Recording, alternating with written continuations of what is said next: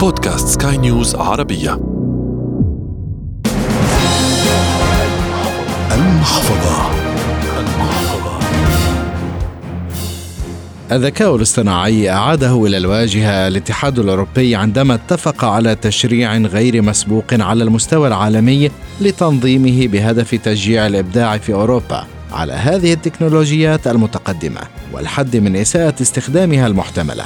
كثيرون يتخوفون من أن يقضي الذكاء الاصطناعي على وظائفهم والاحتجاجات على شركاته كانت كبيرة من قبل مبدعين ومغنيين وفنانين وكتاب وغيرها من المهن التي يسلبها الذكاء الاصطناعي باب رزقها. لكن مع مرور الوقت يبقى العنصر البشري مسيطرا على الساحة إلى حد ما. ويكشف عيوب كل ما هو اصطناعي لكن إذا لم يجاريها من الممكن أن تتغلب عليه في المستقبل. المحفظة. حلقة جديدة من المحفظة تأتيكم عبر منصة بودكاست سكاي نيوز عربية على أبل، جوجل، سبوتيفاي، أنغامي والعديد من المنصات الأخرى. في إعدادها وتقديمها أحمد الآغا ومن الإخراج الإذاعي زاهر رشماوي. المحفظة. الخوف من الذكاء الاصطناعي أن يسرق الوظائف لكن من الممكن بنفس الوقت أن يتيح فرصا جديدة للعمل من خلاله وأيضا لزيادة دخل الأفراد. وحسب فادي رمزي خبير التسويق الإلكتروني والمحاضر في الجامعة الأمريكية في القاهرة من الممكن أن يستغله المحتالون للإيقاع بضحايا يسرقون أموالهم. وفي الوقت ذاته الذكاء الاصطناعي لا يخلو من النصائح المالية للأفراد والشركات أيضا. كيف نحصل على نصائح مالية من الذكاء الاصطناعي؟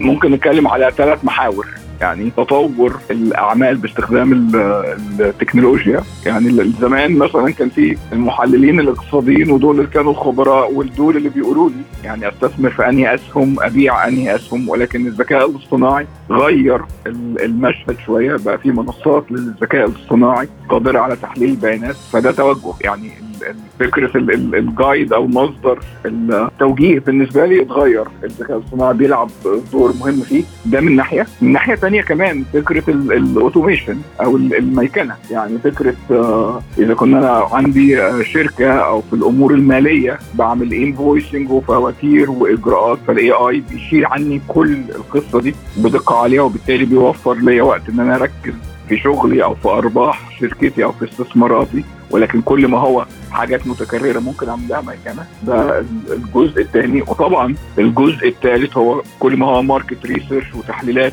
السوق بصفة عامة أو في البورصة والأسهم بصفة خاصة. ده ال AI بيلعب دور فيه. والجزء الأكثر شهرة طبعا صناعة المحتوى والتسويق الإلكتروني. يعني ال AI يقدر يقوم بأعمال ال SEO تحسين محركات البحث إدارة ال social media في صناعة المحتوى. يقدر يكتب مقالات يقدر يكتب post في ال social media يقدر يعمل تصميمات جرافيك يقدر حتى يعمل video editing وأعتقد يعني خمس محاور بالنسبة لأي شركة تقدر تعزز وجودها الاقتصادي آه، على الأقل عن طريق الخمسه دول. هل هناك برامج تتبع الذكاء الاصطناعي يستطيع أن يخصصها المحتالون للنصب على الناس؟ بكل تأكيد، ما هو الذكاء الاصطناعي هو أداة زيه زي أي أدوات ولكن دايما المسؤولية على المستخدم.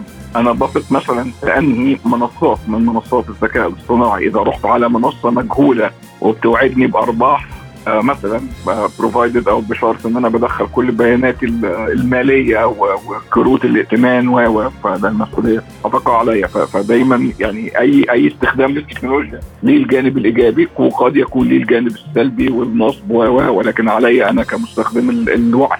أهم الوظائف وكيف من الممكن أنه فعليا يستفيد منها أي شخص سواء يعمل أو متفرغ وأهم المنصات اللي ممكن يشتغل عليها؟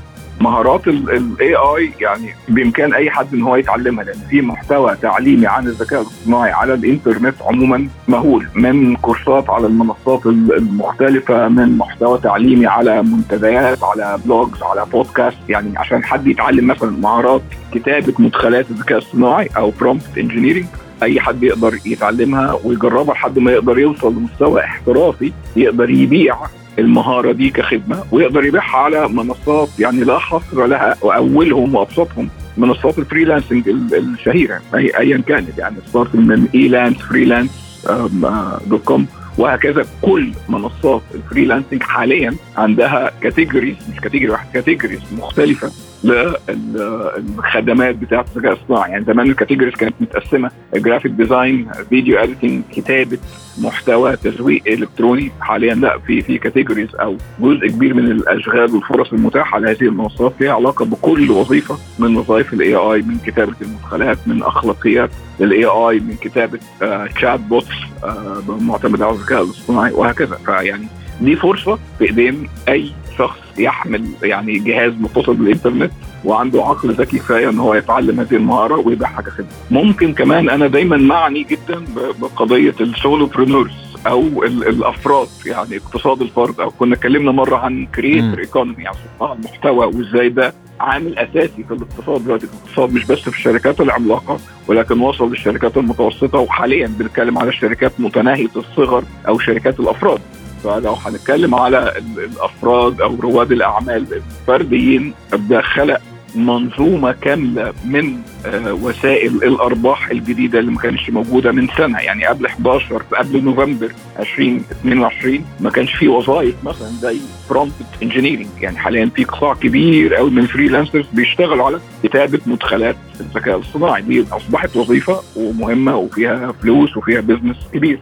كمان مع التطور أصبح إن في خبراء في أخلاقيات الذكاء الاصطناعي. يعني دي دي وظيفة وشغلانة وفيها فلوس كتير. إزاي نضمن في أي شركة أو مؤسسة من استخدامات الذكاء الاصطناعي ما يكونش فيه تلاعب في بيانات المستخدمين ما يكونش فيه أي مخاطر على البيانات يكون بيتبع الاخلاقيات المؤسسة أو الأخلاقيات العامة.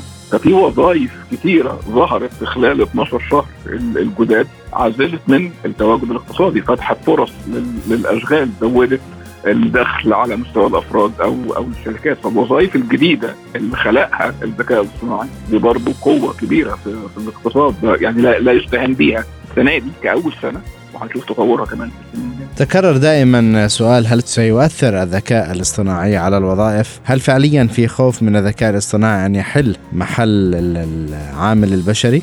هنا الإجابة النموذجية مش هيحل محل العامل البشري ولكن العامل البشري إذا لم يتواكب ويستخدم الاي اي فهو هيندثر بطبيعة الحال زي الديناصور اللي لم يستطع التواكب مع تغيير البيئة حواليه فهو ما حدش موته. هو هو انبصر هو موت نفسه. بمعنى على سبيل المثال كل اللي بيشتغلوا في التحليلات الاقتصادية بالطريقة التقليدية المعتادة. إذا لم يتعلموا مهارات استخدام ال AI فزملائهم هيسبقوهم بسنين ضوئية. فمع الوقت هو هذا الشخص هيكون يعني بيموت نفسه بنفسه. فال AI مش هيحل محل حد ولكن أنا لو ما استخدمتوش أنا اللي هفضل أتراجع أتراجع في شغلتي لحد ما أنا أصبح الديناصور في المجال بتاعي.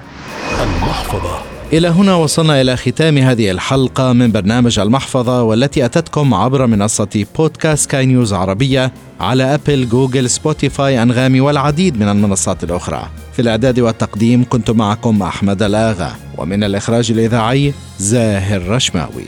في النهاية أنت أدرى فقرارك بين يديك. إلى اللقاء. المحفظة